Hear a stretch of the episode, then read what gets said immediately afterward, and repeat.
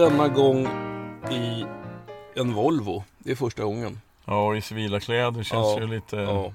känns lite naket. Men vi ska filma lite sen och eh, apropå det här med film och podd och Instagram så tänkte jag bara säga två saker. Det ena är att vi har fått några frågor på, på via Instagrammet, eh, jakthundar och jakt. Men det är vi ganska dåliga på att kolla in inkorgen på. De här var visst ett par, tre veckor gamla de som jag hittade igår. Så vi ska besvara dem. Men, Men, alltså, men alltså, säg som det är. Vi är ju gamla och kan inte det här. Så du, av, av en händelse råkade du inse att man kan jag skicka... hittade en ny knapp. Ja, precis. Att, att, att, oj, man kan få meddelande via Instagram. Vi ber om ursäkt för denna otroliga amatörnivå, men så är läget. Så skicka frågorna till mejlen jakthundarojakt.gmail.com Yes, så är det. Vi, jag, ty- jag tycker vi är stolta amatörer. Ehm, en sak till när det gäller det där. Så, så det är ju så här att är det en väldigt kort typ ja nej fråga då kan vi svara på den på, på mejlen. Ehm, vill man vara anonym när man ställer frågor, man kanske inte vill att vi ska offentliggöra mm, de problem man har med sin hund, ja då skriver man bara det. Så, så talar inte vi om vad, vem man är. Men, men vi tycker ju, och det, det är det som är så roligt med den här typen av forum, att vi får väldigt, väldigt mycket bra frågor. Och har man ett problem med sin hund så kan man nog vara övertygad om att andra funderar på samma sak och har liknande problem. Så det är ju en, en kunskap som som många nytta av. Därför tycker vi det är roligt att läsa upp frågorna och eh, besvara dem i offentligheten. Och det händer att vi har rätt ibland också. Ja, det har vi. Vi har ett exempel som jag kommer till sen. Vad bra. Men du, vi kör igång och då börjar jag faktiskt med eh, en sån här fråga som, som har legat och skräpat i Instagrammet. Eh, och det är en kille som heter Viktor som har en chilistövare. Eh, som han släppte lite på grävling eh, förra året och fram vill få igång rovdjursjakten i det så han ska väl köra eh, räv misstänker jag. Och problemet är att den här hunden blir fullständigt rabiat på grävlingarna och eh, försöker ta koll på dem själv. Hur mycket stryk han än får av grävlingarna så ger han sig inte. Det som Viktor säger, det är som att hälla bensin på elden. Kan man göra något? Ja, det står ingen ålder. Eh, och, och frågan är enkelt, kan man göra något åt det här? Alltså, um, det är lite speciellt med grävling och den här skilden är lite eh, åt det skarpare hållet, det vill säga den går igång på kamp. Det vet ju alla som har jagat grävling, att grävlingen är ett långsamt vilt. Um, Det frontar ju blixtsnabbt, det är väldigt enkelt att jaga, vilt, eh, jaga grävling med en hund. Och så blir grävlingen arg och fräser och, och biter ifrån och då, då drar kampen igång i huvudet på skilden då som väl är åt det skarpare hållet.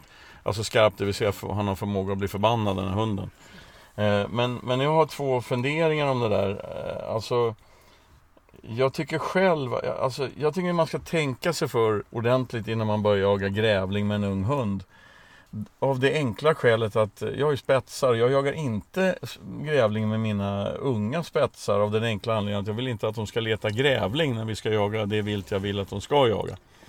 Eh, det blir ju en slags prägling alltså. Går hunden igång på det där så och den går tomme liksom och en spets som letar vildsvin eller älg och, och på morgonen går på ett färskt grävlingslag. Ja men då får man ju dra hunden ur halvvägs ner i ett gryt liksom. Det vill man ju inte.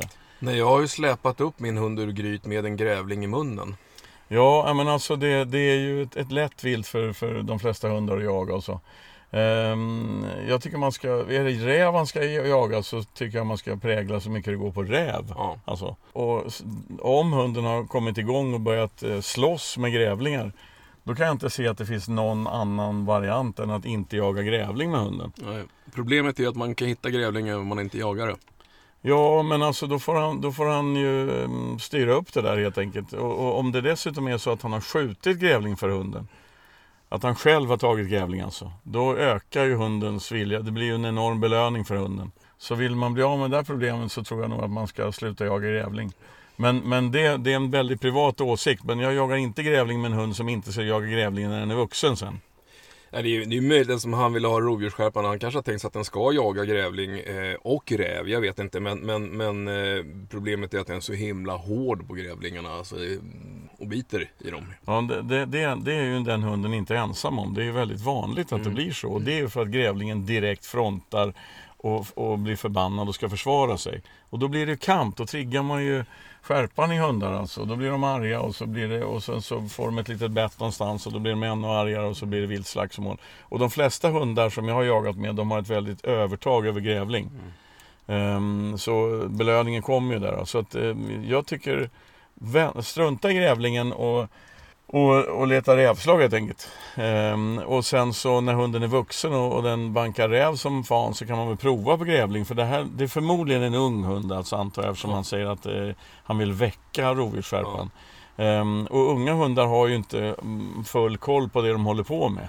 Ehm, så, så fokusera på räv eller vad det nu är den här stövan ska jaga och sen eh, gå tillbaka till grävlingen när hunden är färdig. Det tro, tror jag. Ja, jag, jag, jag, kan nog hålla med. Jag, alltså jag, min hund skulle ju inte jaga grävling men när hon sprang på honom kunde hon inte låta bli dem. Men, men så jag, jag försökte verkligen ta bort henne från grävling. Men du sköt ställen. väl någon grävling också? Ja, jag gjorde ju det. Därför de att hon satt Ja, när hon var ung.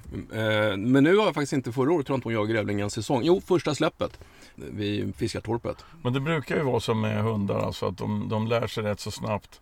Om man fokuserar stenhårt på de vilt man vill att hunden ska ja. jaga och ignorerar eller totalstruntar i de vilt man inte vill den unga hunden ska jaga ja. så brukar man kunna styra in dem. Bra, vi testar det där så får vi se om det funkar. Ehm, så nu byter vi raskt ämne och hoppar över på en, en 11 veckors valp, en Petit Basset Griffon, eh, som tuggar på det mesta eh, han kommer åt, som valpar gör. Och eh, de har eh, valpsanerat hemma men eh, valpen har då, ja, vissa saker kan man inte plocka bort, bland annat kablar. Och den här hunden har då tuggat sönder en elkabel. Och vid något tillfälle så skrek den till. Och då har den bitit in en lampsladd och förmodligen fått sig en stöt då. Tror ni, då är det två frågor på det här. Tror ni att han kommer låta sladdar vara i fred framöver? Tveksamt. Nej, nej. Eh, det, det, de drar nog inte riktigt den lärdomen. Ja, men det, de, de har väldigt kort minne när det gäller här grejer. Just den sladden kanske, men inte Ja, någon annan. inte sladdar generellt. Och det finns väl två saker att säga om det här. Den andra frågan är nämligen att det eh, händer att hundar skadas eller dör av detta. Och jag kan säga att jag har jobbat i hyggligt många år som veterinär nu. Jag har sett en hel del valpar, det är nästan alltid valpar, som kommer in och har lite brännskador i munnen. Jag har aldrig sett någon som har dött av det. Men jag kan ju inte säga att det inte har hänt, den kanske har dött hemma. Men, men som sagt, brännskador i munnen är det värsta sladdbitande valpar har, har presenterat för mig i alla fall. Och det här, det här är ju svårt och jag sitter ju precis samma sits när jag har en eh, nio veckors valp hemma som tuggar på allt inklusive sladdar. De har ju ett behov eller, av att tugga på saker och ting. Så jag har liksom bestämt att hemma finns det några grejer. Mm, vedträden som ligger framför öppna spisen, ja tugga på dem om du vill. Eh, några andra grejer som hon också får tugga på. Men när det gäller sladdar, stolsben, bordsben, då är det som Peter brukar säga en, en jäkligt tydlig markering när man kommer på henne med att göra det. Så, så eh, man får nog vara väldigt tydlig med att sladdar är absolut nej, nej, nej. Och, eh, för att går man och småtjatar om nej allting de tuggar på, då blir det lite uttjatat, lite blekt det där ordet nej så småningom. För de tuggar, gör de. Det är väl eh, ett litet tips att vara tydlig när du markerar på det som absolut inte får tuggas på. Och sen så kanske det finns annat som inte är så kinkigt med.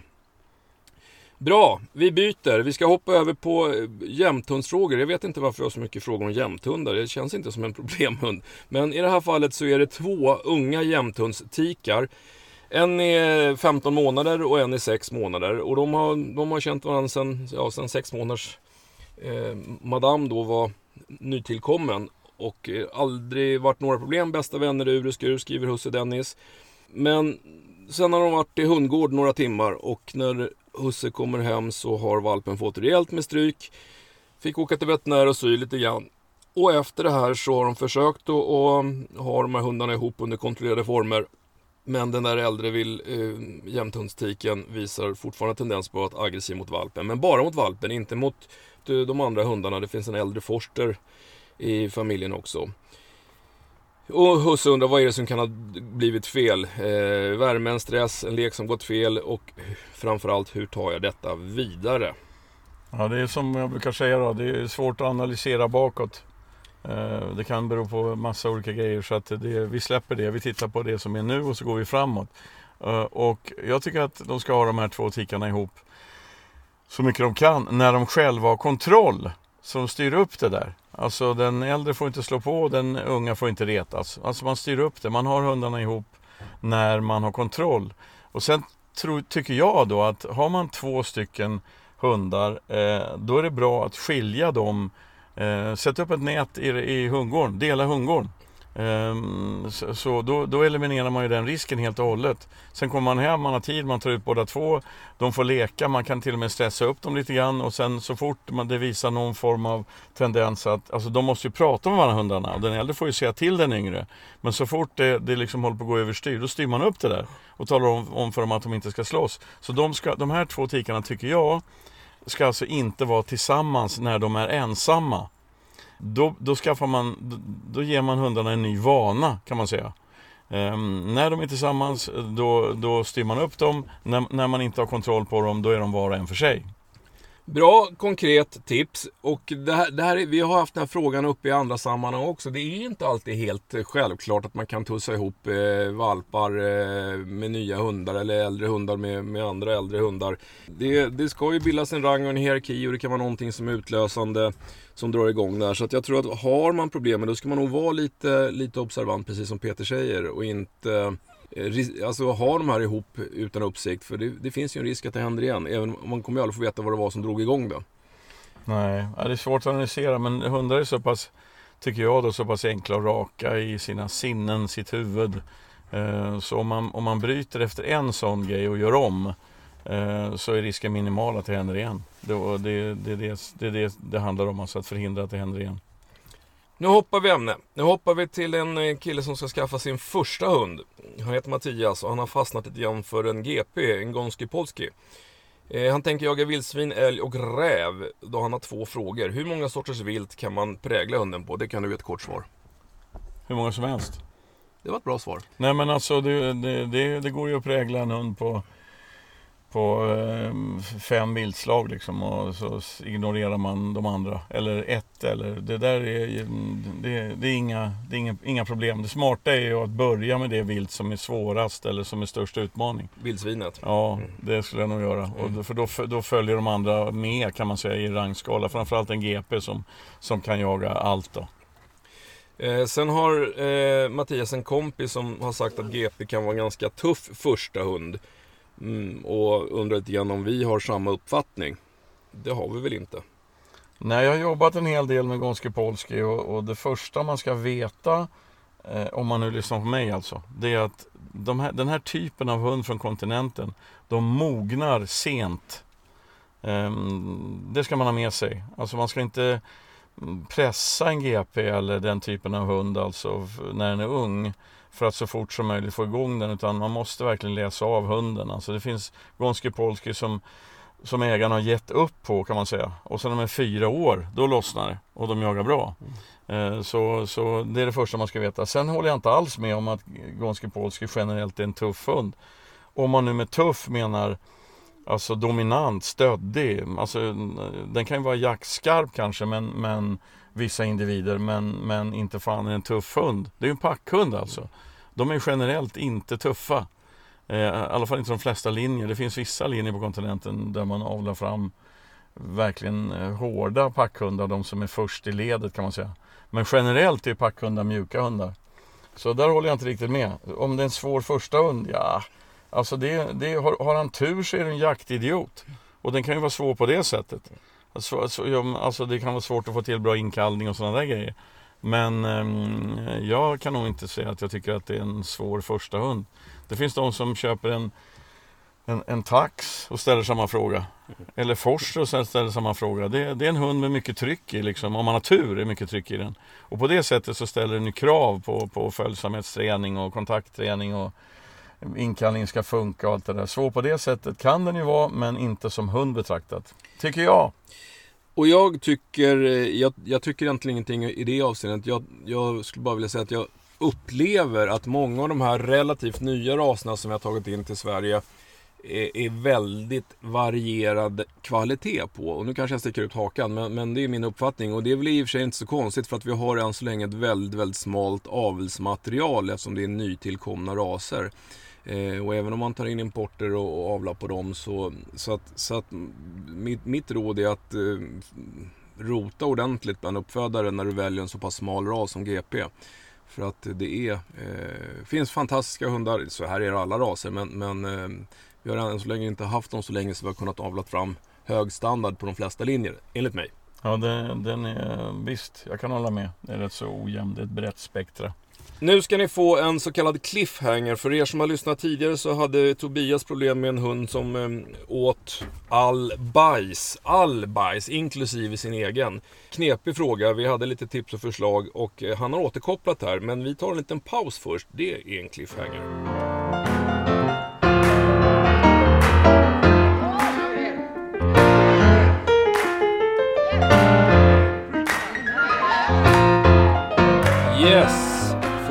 Alla er som har nyfiket suttit och väntat på hur har det gått för bajsätarhunden.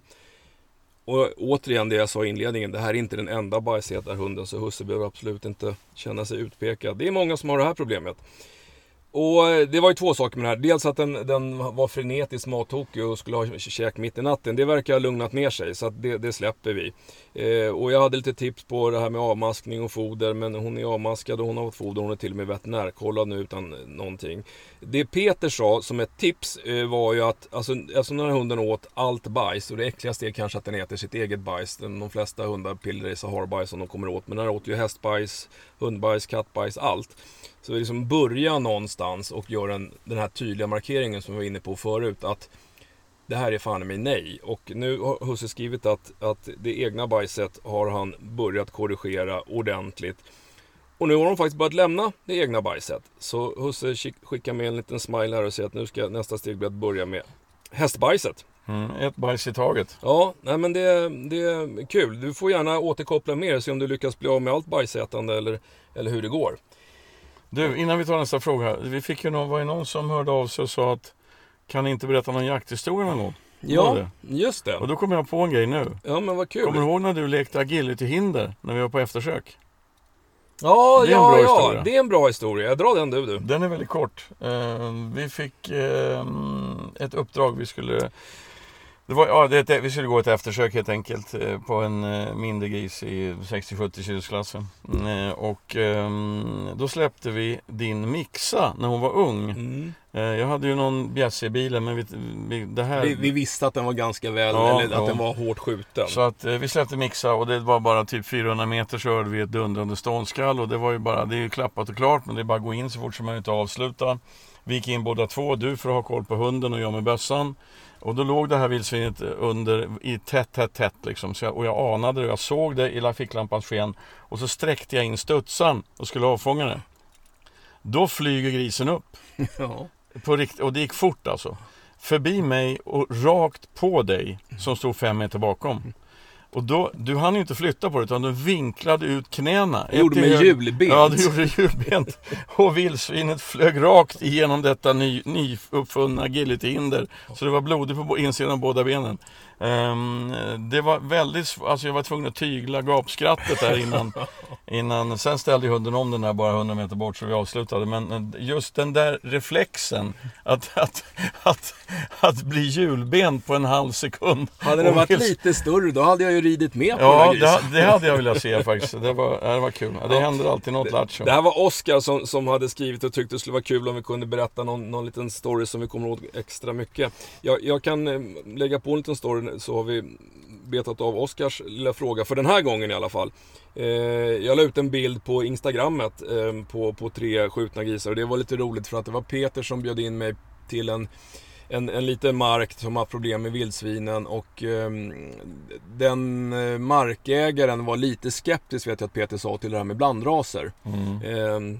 Sen ringde du mig på morgonen och hade fått förhinder. Mm. Eh, och jag var lite tveksam till om jag skulle åka dit ändå. Eh, men jag gjorde det i alla fall. Det är alltid kul att jaga på nya marker. Och eh, efter två timmars jakt så hade eh, vi skjutit tre rejäla grisar. Eh, jag sköt två av dem och den här markägaren sköt en tredje. Så att han var ju, jag tror han ringde dig sen på, på kvällen och var ja. ganska nöjd med den här blandrasen trots ja, allt. Ja, han hade ändrat uppfattning. Ja, så att, nej, det, det, är sånt där. Vi är ju hundnördar, så det mesta av det vi kommer ihåg, det har med hund att göra. Okej, vi byter igen. Och, eh, då har vi fått ett mail. Det här är också en sån här väldigt generell fråga. Eh, folk som ska skaffa sin första jakthund. Och eh, I det här fallet så, så är det en tax som ska införskaffas till slutet på sommaren. En normalstor strävhårig. Och Husse Peter eh, undrar vad är de vanligaste fallgroparna för en nybörjare som skaffar jakthund, vad bör man tänka på? Ja, den allra första fallgropen är Jag har sett många som har en alldeles jätteliten valp och när man ska kalla in den valpen så skriker man kom hit och så springer man efter valpen. När valpen är på väg åt andra hållet då får valpen höra inkallningssignalen samtidigt som matte eller husse springer mot den. Är det en tuff valp då blir det jaktlek. Är det en vek valp så skrämmer man den. Gör tvärtom istället. Fånga valpens uppmärksamhet på något sätt, klappa i händerna eller något. Och så fort den tittar, då vänder man och kutar åt andra hållet. Titta på Instagram, där finns ett, eh, en filmsekvens på det. Ja, vad bra, vad bra. ja, men det, det är grundfelet liksom, att man, att man eh, går efter valpen när man vill att den ska komma. Mm. Då lär man hunden precis tvärt emot det som man vill att den ska kunna. Det är fallgrop nummer Sen finns det väl en massa på din kant liksom veterinärmedicinska prylar. Ja, det gör det. Men jag tror att det mesta är, nu framgår inte om husse har några barn, men jag brukar säga att det, det, det gäller att undvika de farliga sakerna. Eh, se till att de får i sig käk och motion och så vidare. Men det som, det som har varit en återkommande fråga eller ett återkommande påpekande från mig och Peter genom många olika avsnitt har ju varit att många har väldigt, väldigt bråttom och förväntar sig stordåd av en 7, 8, 9, ett och ett halvt års hund. Ta det, ha inte för höga krav på valpen. Gör det mycket till en lek. Jag drog en skinkbit genom trädgården förra veckan med min nio veckor som hon fick eh, nosa reda på och käka upp. Alltså det, det är ju ingen spårträning, det är bara ett sätt att få en att använda näsan. Så att, så att jag tror att eh, ha inte för bråttom att sätta upp för höga mål för då är risken att man blir besviken. Eh, jag är av uppfattningen att se till att du har en bra kontakt och en bra lydnad med hunden innan du så småningom börjar låta den vara fri i skogen och, och rent av så småningom släppa den på, på spår. Eh, ja, men det är skillnaden alltså mellan din valp som ska jaga vissa vilt och en tax. Eh, det är ju att en tax är så, det är smart att köpa en tax i och för sig, en tax eller en drev eller en basset för den får jaga allt vi får jaga. Den jagar in sig själv i princip. Eh, du släpper den i skogen och sen så sköter den injagningen helt på egen hand om den är rätt avlad. Och, och, det kan ju leda till det du säger då, att man börjar för tidigt. Man har ingen styrning på, ingen följsamhet, ingen kontakt. Ehm, och en bra tax börjar jaga den är 7, 8, 9 månader. Så att ehm, det, det, är väl en, ett tips då att, att eh, men nu är vi inne på det här med, i och för sig det är ju ingen fallgrop direkt. Nej men... det är inte. Nej men jag, jag om jag får göra lite reklam för dina produkter då, så jag läste en av våra större jakttidningar häromdagen där som, som inte alltid brukar rosa dig, men du fick en otroligt fin kritik för din senaste boken, den som handlar om inkallning. Alltså Peter, eh, om man nu tror på Peters teorier eller sätt att, att eh, jobba med hundar så är det fantastiskt bra läsning. Just det här att kommunicera med hunden på hundens språk och hur resonerar hunden och hur kan jag göra mig förstådd när jag kommunicerar med hunden. Det finns jättemycket bra tips där så, så eh, gör vi lite reklam för det också. Ja, men alltså, grejen är så här, om man är enkel att förstå då vill hunden förstå. Ja. Alltså det, då, det är så då... de funkar, det är ett flockdjur. Ja, de vill förstå vad som ja, händer visst, runt omkring. Visst. Ja, ja, det... ja, eh, Peter, eh, nu pratar vi om Peter Frågeställare. Peter Frågeställare har ytterligare en, eh, en fundering. Och det är att Peter har ju sagt tidigare då att när man ska prägla på till exempel rådjur så, så kan man gå där man har sett ett rådjur och vet var löpan går och låta hunden hitta spåren. Och då undrar Peter, får man göra det här på vilken mark som helst om, om, så länge hunden går i lina? Och jag ska säga att jag är lite tveksam till det. Eh, vi har ju dels allemansrätten, men, men det här är någon typ av jaktträning och det tror jag inte omfattas av allemansrätten. Så, så mitt tips till dig Peter, det är egentligen Alltså går du på någon fotbollsplan och kommunens mark, då tror jag inte det är något som helst problem. Men är det en privat markägare så är, har du någon i närområdet eller där du jagar så prata med dem och säg att är det okej okay att jag går med, med, med hund i, i spårlina eh, om jag skulle se ett rådjur på din ja, mark. Så, så det är det här inte tipset att, han, att, tax, att den unga taxen ska spåra friskt vilt? Är det det ja, för att lära sig Ja. vittringen och, och bejaka den. Men eh, ja, nej men snacka med folk. Alltså folk blir ju, alltså jag skulle själv bli lite om vi tar någon av markerna jag jagar på, man är där för att fora eller titta på något eller något och så ser man en fullständigt främmande människa som går med en, med en eh, hund i spårlina liksom, så är det klart att man undrar vad fan är det på, Ja. på gång nu? Så att prata med folk är Ja. väl grejen. Och jag tror inte att det är något problem och det är som sagt, det är, eh, jag, tror inte, jag tror att jaktträning inte riktigt omfattas av, av allemansrätten så det är risk att du får skit om du inte har tillstånd innan. Okej. Då ska vi hoppa över till en hägnfråga som vi, vi har berört där med vildsvinshägn i flera poddar. Plus och minus och, ehm, och i det här fallet så har vi en, ska vi se om det var en norr, eh, just det, en eh, Norrbottenspets korsning fyra år. Och eh, den jagar grävling som en dans, älg är tråkigt, Mård åker med om han hittar. Har visat ett visst intresse för vildsvinsklövar. Och nu ska han försöka, nu kommer husse Anders försöka jaga eh, vildsvin i höst då, som man får möjlighet till. Och då funderar han lite grann på, är det, är det någon vits att köra den i häng? Och varför han är lite fundersam är att han har hört att hänggrisar är lite lojare än riktiga grisar och kan ge fel intryck. Eh, mitt svar på den frågan, ja, du har nog en poäng i det. Att eh, hägnade grisar som, som har blivit jagade av hund ett otal antal gånger. Det är klart att de beter sig nog inte riktigt fullt ut som hundarna i skogen. Men de kan vara som nog... grisarna i skogen? Ja, förlåt. Ja. Som grisarna i skogen. Eh, men de kan vara nog, stå upp nog så bra om, eh, om de känner för det. Sen är det så att de flesta hängnen byter ju grisar, eller alla häng byter ju grisar med en viss regelbundenhet. Så att det är klart att är man precis i slutet på en period så är det rutinerade grisar. Är man precis i början så är de mer lika de vilda. Men man får, det finns ju, tipset är att åka till något av de etablerade hängnen. Ehm, det, finns ju bra, bra farmade grisar och dåliga farmade grisar. Ja. För att de här grisarna, vildsvinen i hängnen, de är uppfödda i hägn. Um, och har de blivit väldigt mycket hanterade av människor så blir de ju halvtama. Det finns ju sådana häng, du, du ska öppna grinden och kommer två vildsvin knallande och vill morsa på en. Um, och, men, men jag tror ändå liksom att Alltså åk till ett hägn och, och kolla hur hunden beter sig för det är ju ändå rätt vittring och, och ligger hunden på för hårt om det är bra vildsvin alltså då, då blir det ju utfall och det blir utmaning och sådär. Så. Men, men däremot så är jag tveksam till att jaga in hunden i häng. Att testa hunden i häng och vänja den lite och så men, men jaga in som jag ser det, det gör man i fria skogen eh, faktiskt. Jag testade en gång för länge sedan när jag jobbade i ett, ett av de första och största och bästa hägnanläggningarna faktiskt. Eh, och då hade jag en spaniel som jag, eh, som jag, eftersom jag jobbade där då med kurser och sånt så, så kan man säga att jag jagade in henne på vildsvin där. Eh, och det blev inte bra. Eh, hon fick fel uppfattning om, om vildsvin i skogen, det, det märkte man ju. Alltså det, det, hon jagade mycket bättre i hägn än hon gjorde i skogen kan man säga. Eh, och den, hund jag, den bästa hund jag har nu eh, som, jag har, som är helt injagad i skogen och många, många vildsvin skjutna för den innan första gången jag var i hägn. Då ser du ju direkt att hunden undrar vad fan handlar det här om? Hon jagar betydligt sämre i hägn än hon gör i fria skogen. Tveksam och, och, och tyvärr lite hård på grisarna då för att att de inte riktigt beter sig på det exakt samma sätt som de gör i Sveaskogen. Så svaret blir helt okej okay att åka till häng, kör på bara. Men det handlar inte om injagning. Det är en slags prägling och test och man ser om de överhuvudtaget tar an vildsvinsdoft och sånt. Jag är helt överens. Jag eh, har kört mina hundar en gång i häng, och någon två gånger. Mer för att se hur presenterar de för doften, se lite grann hur de beter sig. Eh, och sen så har ju vi gått om gris i skogen så jag har kört vidare där. Precis.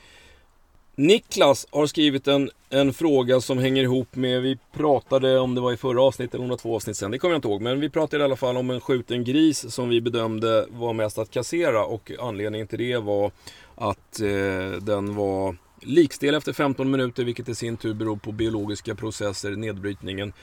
Eh, en väldigt stressad gris. En väldigt stressad gris, en lit, relativt liten gris som var jagad ganska så länge.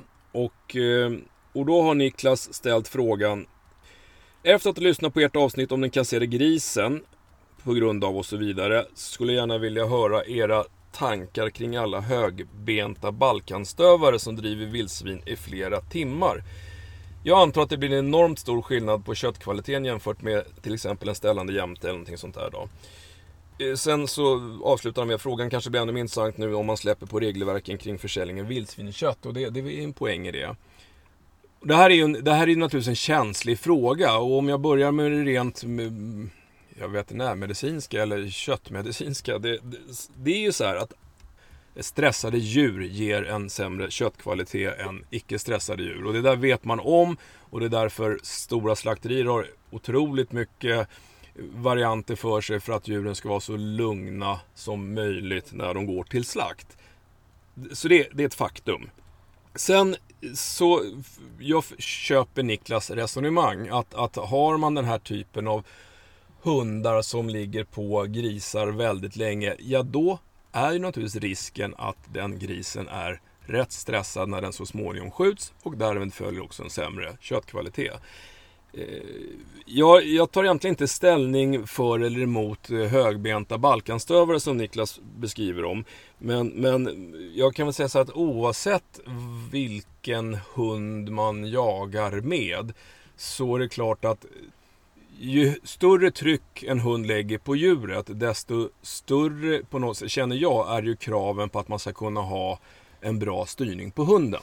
Men det handlar ju om också vad det är för vilt, alltså eller vad det är för individ som hunden jagar. För i det här fallet handlar det om vildsvin. Och jag menar en hund som ligger på hårt, eh, då blir, alltså är det en vuxen gris, vuxna vildsvin generellt, är min erfarenhet, de frontar ju. Alltså de vill inte springa fort långt för de vet att det inte är nyttigt. Alltså de har en slags inneboende insikt om att, att eh, jag mår dåligt om jag springer fort långa sträckor. Så då frontar de ju. Eh, hundar som ligger på hårt, då blir det ståndskall på ståndskall på ståndskall alltså. Ehm, ehm sen håller jag med dig om att det spelar ingen roll vad det är för hund alltså, överhuvudtaget. Utan unga djur framförallt kan ju gå över i stress. Alltså unga djur får panik. Ehm, och så bara springer de. Det är inte nyttigt. Så att eh, jaga med alla möjliga hundar men, men se till att ha möjlighet att stoppa dem. Alltså det är styrning i skogen som gäller. Avbryt, lägg av, inkallning ska funka och allt det där. Då minskar ju den risken jättemycket. Men, men sen också så, det ligger en poäng i det han säger. Alltså en spets som gör rätt, det vill säga den går inte hårt in om det inte behövs för att få stopp på vilt. Alltså grejen med spetsar är ju det är egentligen inte ståndarbete som, det, det ska alla spetsar, det ska finnas där. Det är förmågan att få stopp på viltet. Det är därför vi har spetsar. För att de ska få stopp på vilt. Eh, och sen, och sen när de väl, det är det som är svåra och som man ska titta på framförallt när det gäller avel tycker jag. Att det är förmågan att få stopp på viltet. Och då blir viltet mindre stressat. Så där har han ju en poäng. Ett vilt som, som står stilla alltså går ju inte upp i stress på samma sätt som ett, som ett vilt som springer i panik. Där har han ju rätt i och för sig. Men, men det kan ju gälla små hundar också. En, en hård tystterrier kan ju få en, en liten ung gris och få total panik. Mm. Så det har egentligen inte med, med storleken att göra. Det är klart att risken är större med den här typen av hundar. Så, och då kräver det, också större, det ställer också större krav på hundföraren för att eh, minska för stor stress hos, hos det jagade djuret helt ja, enkelt. Ja. Nej men alltså det, det, alltså det som vi har snackat om så många gånger. Man har ju som hundförare ett ansvar. Målet är att fälla vilt. Det är därför vi håller på. Samtidigt är det ett svårt resonemang för att jag har jagat med, med så kallade balkanstövare som jagar otroligt bra. Spårnoga, det, det hörs långt i deras skall. De går inte alls hårt på viltet utan de går över till ett slags någon sorts, eh, inte medfött typ, men det är ändå någon form av ståndarbete. De stressar inte viltet om viltet stannar. Då är det värre med en hund som går in hårt och, och så att hunden, eller så att viltet verkligen inte, ja det pallar inte helt enkelt. Men det ligger en poäng i också det han säger. Stressat kött alltså, eller stressat vilt ger sämre köttkvalitet. Så är det. Lite utsvävningar, lite funderingar kring det, men, men eh, ja, ni, ni har nog förstått budskapet.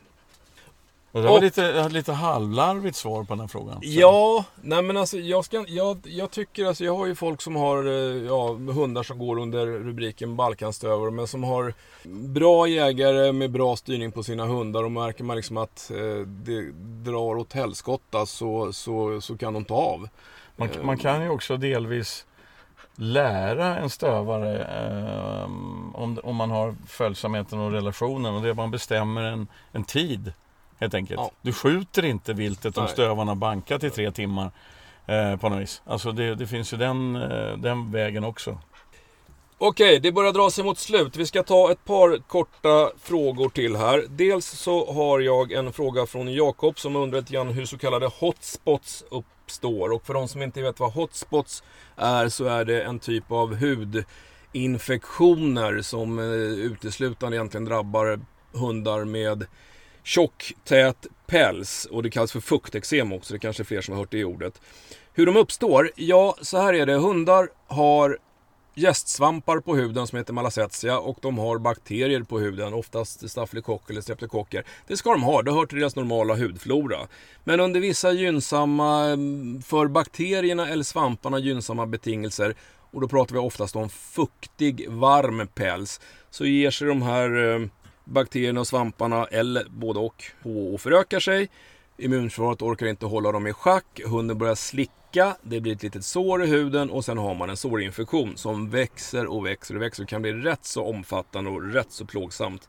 Så, så, det är så det uppstår. Och hur man gör för att undvika det, för det är ju nästa fråga här då. Det är ju egentligen, är det liksom varmt fuktigt, hundar badar mycket och man vet att man har en, hund som har tendens att få de här, det är inte jättevanligt. Så se till att hunden får vara ordentligt ute i solen och, och bli torr. Eh, innan man stoppar in den i, i hundburen eller någonting sånt där. Va? För att det är den här fuktiga, varma miljön eh, som, som eh, som blir i pälsen som skapar förutsättningar för bakterieväxt och svampväxt. Men alltså jag som har eh, jämtar då, alltså jag simmar ju dem ibland. Eh, men en jämthund, fullpälsad jämthund, jag skojar inte, det tar ju 48 timmar innan de har torkat. Ja, så, så, så, man ska inte bada igen och igen och igen och igen. Nej, men sen är det också så att det här är ju inte, det är ju, med tanke på hur många tjockpälsade hundar vi har i Sverige så är det ju inte något jättestort problem. Jag tror att de absolut vanligaste jag ser det här hos är golden retriever. Eh, så att, så att, men, men visst, jag har sett det på huskies, jag har sett det på jämthundar och andra tjockpälsade hundar. Så det är inte något stort problem. Och jag vet inte om det finns någon bakomliggande orsak att de har lite känslig hud. Eller att de är mer benägna att slicka så fort det blir en irritation. Då, så att, så att det, ja, det alltså, drar igång. Som en spetspäls alltså med, med underull och grejer. Den är ju, alltså det, det tar lång tid för ja, den att torka. Ja, ja. Ja, alltså man ställer sig inte med fönen eller, eller väntar tills en jämthundspäls har torkat. Om man inte har en hund som man vet har tendenser att få det. Ja, eller så får man undvika den här eh, varma, fuktiga. alltså hotspots eller fuktig sem, det är ju uteslutande, nästan uteslutande ett sommarproblem. Mm. Apropå bada, jag fick en, jag fick en fråga i en, en annan kanal, en kille som som inte får sin hund att vilja gå i vatten. Ja, då tar vi den. Han har försökt allt möjligt. Han har eh, badat och simmat med den och kastat pinnar av leksaker och provat med flytväst och då får den här tiken panik och bara springer upp på land igen. Eh, hur gör man då? Ja, alltså egentligen är det jävligt logiskt. Det finns två sätt att göra det. Ta hunden i femmeterskoppel eller någon kortare lina eller någonting. Eh, och sen går du ut och simmar med den. Du drar ut den i vattnet och simmar omkring i en behaglig sommarbadtemperatur i någon sjö. Och du simmar och simmar och Snacka med hunden och ni har kul tillsammans. Om man själv är jävligt cool i vatten, eh, då, då, då kommer alla hundar börja simma. Eh, och tycka det är riktigt trevligt dessutom. Men om man är tveksam som person, nu ska vi se hur det här går och vi provar det här, vi provar det här. Nej, den vill inte då heller. Då talar man om för hunden att du bestämmer. Det andra är ju att man steg för steg för steg för steg får i hunden. Man är i vatten helt enkelt. Eh, man är, det är en annan hund som är med som badar och den får lite godis och bollar och grejer och man skiter totalt i den här hunden som sitter på stranden och suktar. Till slut kommer tassen ner i vattnet, ja det är ett steg. Nästa dag gör man om det och så småningom kommer hunden att simma. Men version 1 funkar alltid. Men jag har en fråga. Varför ska hunden bada? Ska det bli någon apportör eller någonting? Nej, det? det är träning, sommarträning. Ja, okej. Okay. Ja, det är därför. Alltså, För jag har ju en, en hund som inte går i vatten annat än om det är jäkligt varmt ute. Men ja, då får det väl vara så. Så blir det för varmt att slänga i henne. Men, men hon kan ju simma. Ja, ja. Men eh, annars så nu, nu, hur länge har vi hållit på nu? Ja, nu ska vi ta den sista frågan därför att det är en av de här kvarglömda frågorna. Den är lite bökig i och för sig, men som vi hade fått på Instagram. Dit vi inte vill ha några frågor då, för en liten repetition. Utan kör på jakthundarochjaktat.gmail.com Och det här är i korthet en eh, sexårig vaktel tillsammans med en ett och ett halvt årig gråvaktel. Den här sexåriga vakten har börjat bete sig illa den har börjat markera mot hussen han kommer hem från jobbet. Han går runt och spänner sig och morrar och visar tänderna. Precis som han skulle vara osäker. Han har aldrig visat de här beteendena förut. Och dessutom verkar det nu som att den här 1,5-åriga gråvakten har blivit skiträdd för den äldre hunden. Och, eh, som jag tolkar mejlet så är det väl den unga hunden som har pissat och skitit på sig. Inomhus. inomhus. Mm. Eh, och eh, det som husse skriver avslutningsvis är att han har börjat ta med den här yngre förmågan till jobbet och undrar om det här kan vara någon bidragande orsak. Det här är en svår fråga eh, därför att det här är en sån här individfråga. Har det hänt någonting? Som Peter sa inledningsvis, det är svårt att, att, rekonstruera någonting som har hänt bakåt. Man får liksom titta på vad man gör framåt. Det är svårt att svara på frågan utan att ha sett hundarna. Men, men alltså... Eh mm, det låter ju, om den här vakten vid sex, sex år va? Ja. sex års ålder plötsligt ändrar beteenden så grovt som han beskriver. Ehm, då sk- alltså, jag skulle kunna kanske hjälpa till om, om snubben, den här personen hör av sig och så man får ställa fler följdfrågor och så. Men tror inte du att man ska också fundera på är det något fel på hunden medicinskt? Alltså någonting som trycker i skallen eller någonting som, som gör att, att beteendet förändras. För att så, en, ett så våldsamt förändrat Ja. beteende. Det, det är jättekonstigt och det framgår inte riktigt hur länge det håller på för det står att båda hundarna är okastrerade. Kan det varit så att den här yngre förmågan, när den börjar bli könsmogen, men då, i sådana fall skulle det ha hållit på ett tag då. Ja, dessutom skulle, skulle ju den, den vaktens grejer vända sig mot den valpen, Ja. eller unghunden bara. Nej men det, du brukar ju säga det och eh, ändrar man sitt beteende så ändrar man eh, också hundens beteende. Och om det nu är att husse börjar ta med unghunden till jobbet, alltså det, är en, en, det har hänt någonting i hundens miljö och så ändrar den sitt beteende. Eller om det är något... Eh, eh det- är klurigt därför att ibland så kan ju smärta ge den här typen av reaktioner. Men varför den skulle gå och morra på husse har jag svårt att förstå. Och eh, husse skriver ju också att de ligger och sover tillsammans de här två hundarna eh, på, på nätterna. Så, Jo, men alltså, men alltså du vet ju, du, du har ju varit med om det också. Alltså att, att vi har försökt, jag har försökt att, och så visar det sig att hunden har till exempel i ett fall en tumör Ja. som trycker på Ja. någonting i huvudet Ja. som gör att beteendena ändras. Så det är inte om, om Alltså jag tycker så här, sära på de här två hundarna och, men börja jobba med den här 60-åriga vakten. Var tydlig i det fysiska språket, var avslappnad och cool, lägg av med det där, sluta morra, jag har koll på läget. Så att han inte går omkring och är orolig liksom och eh, jag orkar inte längre eller något för det ser ju hundarna direkt. Uh, och, uh, och se om han, kan, om han ändrar sitt beteende på något sätt eh, gentemot den här vakten så att det här kanske försvinner. Och så får han försöka bygga upp den unga hundens självförtroende genom att jobba mycket med den och låta den lösa svåra uppgifter och spårning och vad det nu är för något. Och så får man se om det löser. Men funkar inte det och det här blir värre då, då tycker jag på fullt allvar att man ska, att man ska kontakta ett djursjukhus helt enkelt. Prova börja där och som Peter sa, du skulle kunna skicka till peter.dogworks.se om du har lite mer kompletterande info kring det här, hur länge det håller på och så vidare. Men, men det är ingen lätt fråga att ta över, att lösa, för det här är en Men individfråga. det blir ju, när vi svarar på frågor på, här i, i radio Ja. eh, så blir det generella Ja. svar. Jag vet inte hur många gånger jag har sagt att om, eventuellt, kanske, sannolikt. Ja. Det går liksom inte för alla hundar är individer och människor individer och sådär. Eh, Så, ta- så ta allting, allting vi säger med en nypa salt. Nu börjar det bli jäkligt varmt och det tror jag valpen här bak tycker också. Så att vi ger oss där. Vi har en fråga från en veterinär också, så har en valp som piper ständigt och jämt när den börjar bli trött. Vi tar det svaret nästa gång. Det gör vi. Och vi, vad vi ska göra nu, vi är inte färdiga för idag. För nu ska vi ut och göra lite eh, filmer som ni kan titta på Instagram, jakthundar och jakt. Eh, som har anknytning till en del av det vi har pratat om. Bra, sätt på oss. Nej, vi öppnar. Nu skiter vi i det här. Ha det gott! Vi hörs om någon Frågar oss.